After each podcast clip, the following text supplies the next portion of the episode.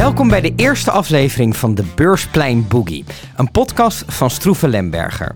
In deze eerste aflevering gaan we terugkijken op de jaarvisie, die eind vorig jaar is opgesteld voor het jaar 2022.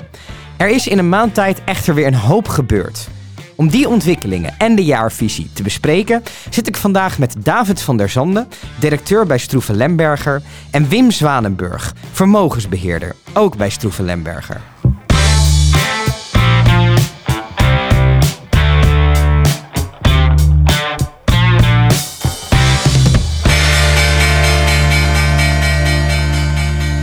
Heren, in eh, december 2021 zaten we op een inflatiepercentage van 5,7% over een jaar.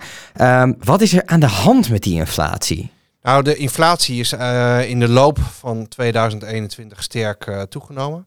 Dat is wereldwijd een fenomeen, hè? dus niet alleen maar in Nederland, maar we zien het ook in andere Europese landen en ook zeker in, in Amerika. Ja, dan zie je dat um, ja, de inflatie sterk is opgelopen en zijn een aantal, aantal effecten. Eén daarvan is dat de energieprijzen die zijn sterk opge opgelopen. dus dat zie je terug in, um, in inflatiecijfers. Maar waar we ook mee te maken hebben is dat de aanvoerketens zijn verstoord. Corona heeft daar een bijdrage aan geleverd, maar ook het, het schip dat op een gegeven moment dwars lag in het Suezkanaal, dat zorgde voor verstoring in aanvoerketens. En dat leidde tot hogere prijzen van halffabrikaten en grondstoffen. We zien ook bijvoorbeeld tekort aan uh, chips. Hè? En die worden steeds meer gebruikt in uh, auto's, maar in allerlei uh, industriële toepassingen en natuurlijk in IT-toepassingen. Dus dat heeft wel even de prijzen omhoog gestuurd. En de grote vraag is, is dat tijdelijk of is dat zeg maar iets wat op langere termijn bestendigt? En zien we allerlei tweede en derde orde effecten, gaat het zich doorvertalen in hogere looneisen bijvoorbeeld?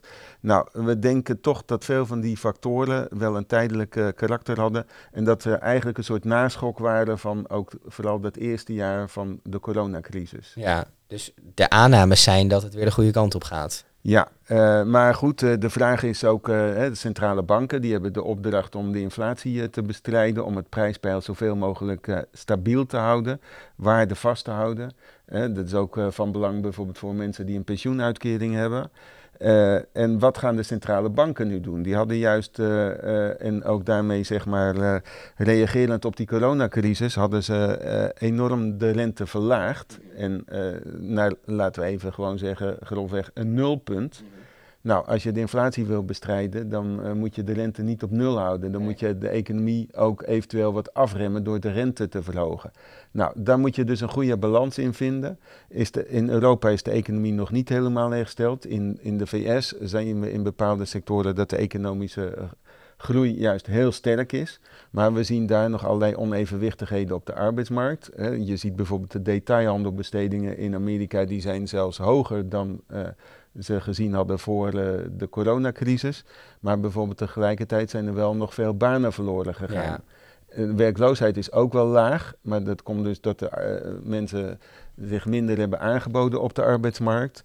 Uh, zeg maar Powell, de, de, topbaas van de Amerikaanse centrale bank, van, uh, van de Fed, Jerome Powell, uh, ja, die wil op meerdere zaken letten. En uh, ik denk toch dat hij een voorzichtig beleid gaat voeren.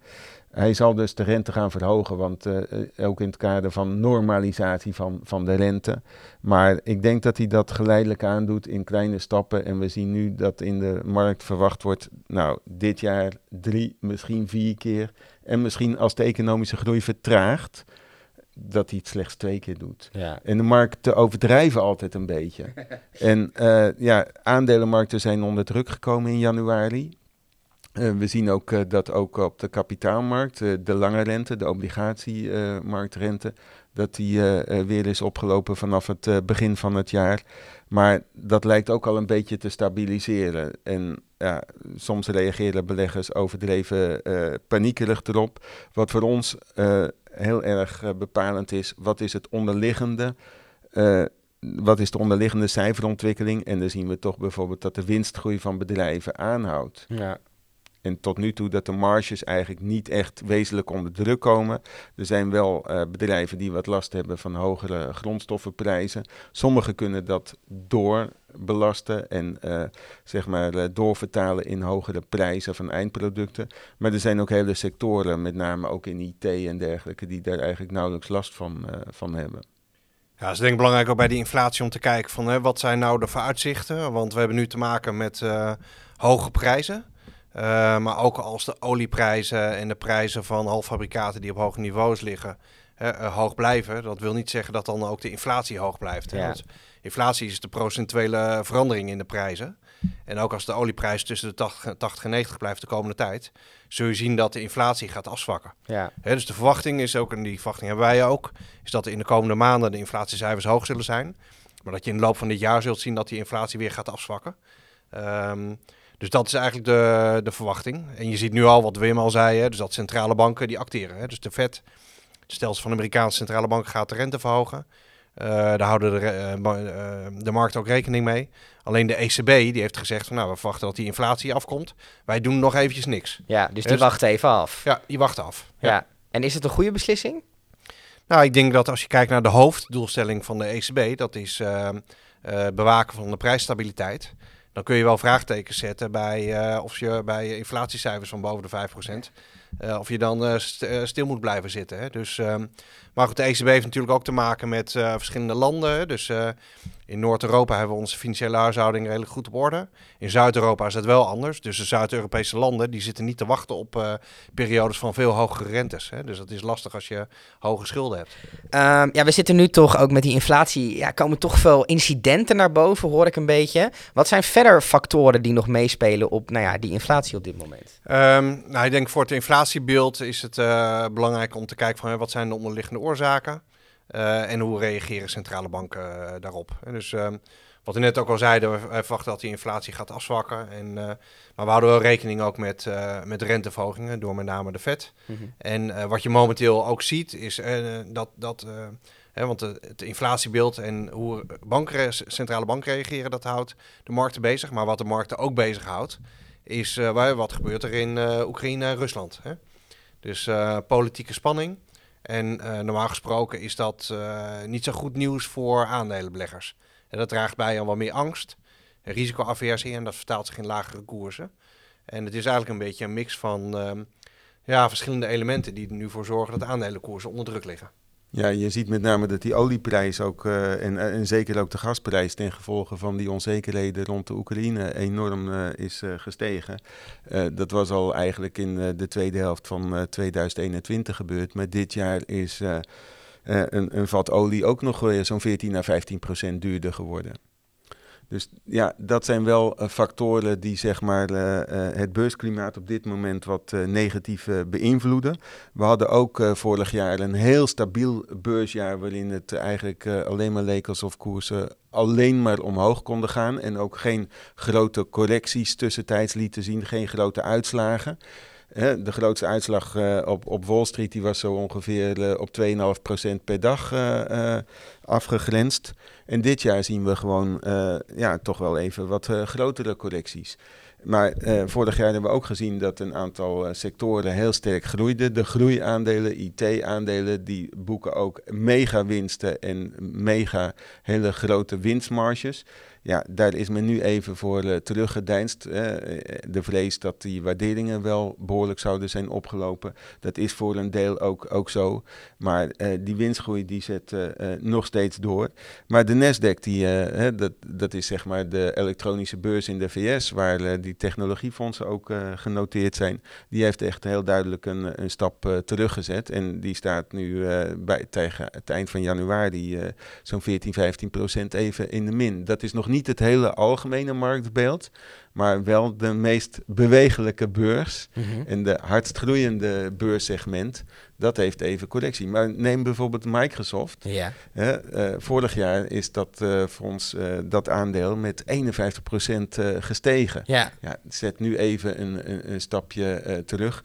Kijk je naar de winstcijfers en ook naar de samenstelling van de winstcijfers, bijvoorbeeld clouddiensten, waarmee ze zeg maar de nieuwe infrastructuur van het internet verder faciliteren. Ja, dat stijgt nog met meer dan 40%. Dan hebben we het alleen al over de omzet. Dus ja, uh, wij zijn er nog niet zo benauwd voor dat dat eh, eh, verder terug zal eh, lopen. Dat heeft nog genoeg verdiencapaciteit. Maar zeg je dan eigenlijk een soort van, die, die waardering is vorig jaar gewoon een beetje te, te hoog geworden? Nou, er is wel, waardering, wel discussie over, ook hier intern. Hè. We moeten natuurlijk in huis ook beleid bepalen. Soms gaan we linksaf of rechtsaf en, en schiet het niet te hoog door. Maar in zijn algemeenheid vinden we dat aandelen niet overgewaardeerd zijn, want je moet het ook vergelijken met de alternatieven, met de rente. Even een heel eenvoudig rekensommetje. Als je een koers-winstverhouding hebt van 20, dan moet je dat omdraaien. Dan heb je een winst gedeeld door koers van bijvoorbeeld 5%. Nou, als de rente 0 tot 1% is, ja, dan weet ik wel waar ik op in wil zetten. Want die 5% die heb ik nu al, maar die winst die gaat groeien uh, de komende jaren. En uh, als de rente verder gaat oplopen, dan leid je met obligatiebeleggingen uh, alleen maar verlies. Ja. Feit is natuurlijk, hè, we hebben een periode gehad waarin ja, de prijs van geld super laag was. Hè? Dus de prijs van geld de rente.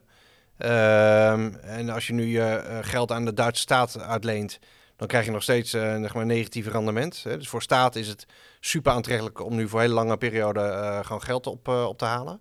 Maar ja, de keerzijde daarvan is natuurlijk dat de verschaffers van geld, hè, dus de kapitaalverschaffers, die krijgen gewoon ja, niet beloond eigenlijk voor het risico dat ze, dat ze lopen. Dat ze nemen, ja. Hè, dus hè, dus de, het, de periode van super lage rentes, die zullen we achter ons gaan, uh, gaan laten. Mhm. Dus in de voor de komende jaren is de verwachting wel dat die rentes uh, omhoog tenderen. Dat zie je nu al. Ja. ja dus tienjaarsrentes lopen op.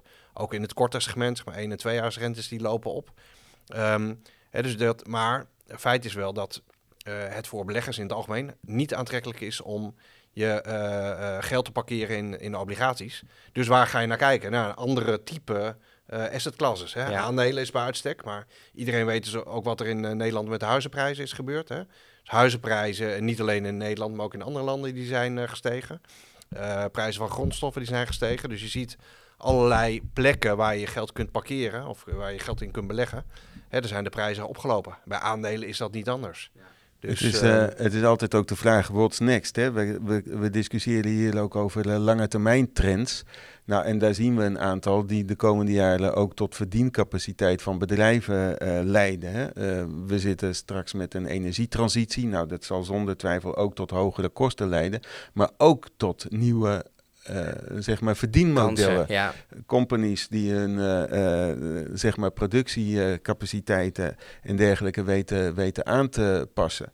Nou, we hadden het al even over digitalisering. Dat kreeg met um, de coronacrisis en natuurlijk met de behoefte aan aanleg van infrastructuur voor internet en versterking van communicatie, versnelling van communicatie, kreeg dat een extra impuls. Maar dat stopt niet. Nee. Hè? Uh, we gaan uh, hybride, gemengde werkvormen hebben, van thuiswerken en op kantoren. Maar ja, je wil gewoon je digitaal je diensten kunnen leveren. Uh, nou, zo zijn er nog heel andere uh, toepassingen uh, denkbaar waar we de komende jaren mee te maken gaan krijgen. Kunstmatige intelligentie, om er eens wat, wat te noemen. Facebook, die heeft zelfs de compagnienaam omgedoopt naar Meta Holdings. Mark Zuckerberg, niet dat we daar nou voor op onze knieën vallen, maar hij, hij heeft wel wat fantasie gecreëerd, maar ook perspectieven geboden hè, op wat ze noemen de metaverse. allerlei software toepassingen die ook ons gewone leven leven uh, verder zullen binnendringen. Die ook zeg maar uh, zowel uh, toepassingen hebben op het gebied van gaming, van, van spelletjes, maar ook veel meer zakelijke toepassingen.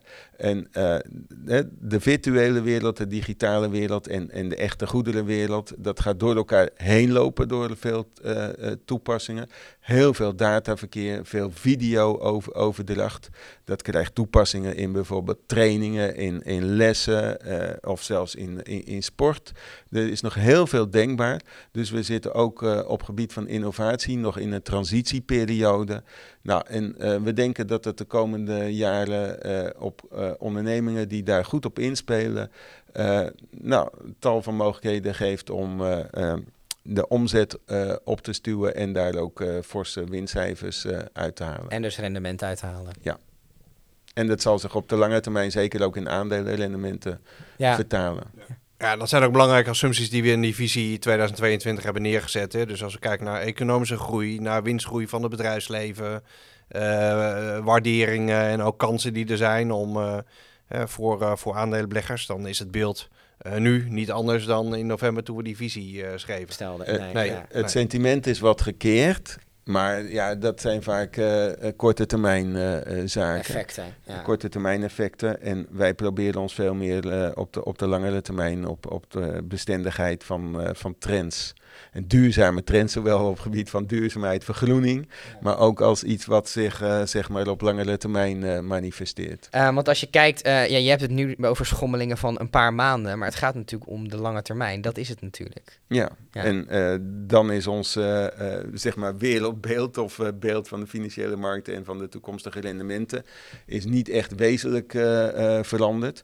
We- we hebben wel als uitgangspositie te maken met, met hoge waarderingen en, en de rente die zal de komende jaren als de inflatie ook eh, weliswaar wat gedempt, maar iets hoger komt te liggen dan in de afgelopen tien jaar. Dan zullen ook die lange termijn eh, rendementen van aandelen wellicht iets lager liggen. Maar eh, ver boven die van obligaties en van andere asset classes. Maar goed, jullie zitten hier wel elke dag, dus jullie gaan om met, nou ja, die koersdalingen, die korte termijn. Hoe doe je dat? Nou, eh, koersen geven een, eh, een, een, een beeld, maar wij richten ons inderdaad meer op de lange termijn. Maar soms creëert zo'n koersval ook, eh, zeg maar, opportunities. Eh, maar omgekeerd ook. Eh, beurzen kunnen natuurlijk ook wel eens even buiten adem eh, raken.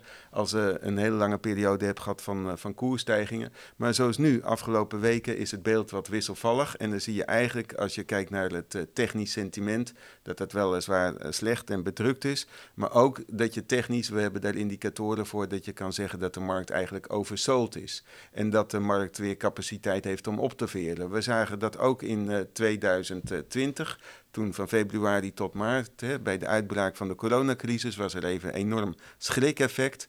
Maar het was eigenlijk een bal die onder water werd geduwd. Want eh, de fundamentele winstcapaciteit en eh, herstelcapaciteit van de economie, die was niet definitief onder water. Hè. De, de, boot was niet lekgeschoten. En dat denken we nu ook dat dat het eh, geval is. Dus als, als de beurs verder onder druk komt, dan zien we daar eerder juist een koopmoment in.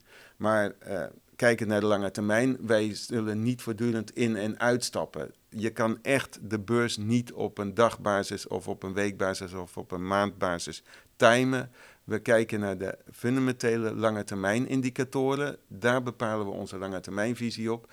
En ja, daar dansen we wel een beetje omheen. En je ziet gewoon, eh, koersen zijn wisselvallig. En eh, als je dan ook juist een beetje bleke gezicht hebt aan tafel, dat iedereen wat bedrukt is. Koersdalingen zijn natuurlijk niet leuk eh, voor, je, voor je gevoel. Maar dan is het eerder juist ook een moment om, eh, om, om bij te kopen als je lange termijnvisie niet veranderd is. En dat is hier bij ons nog zeker niet.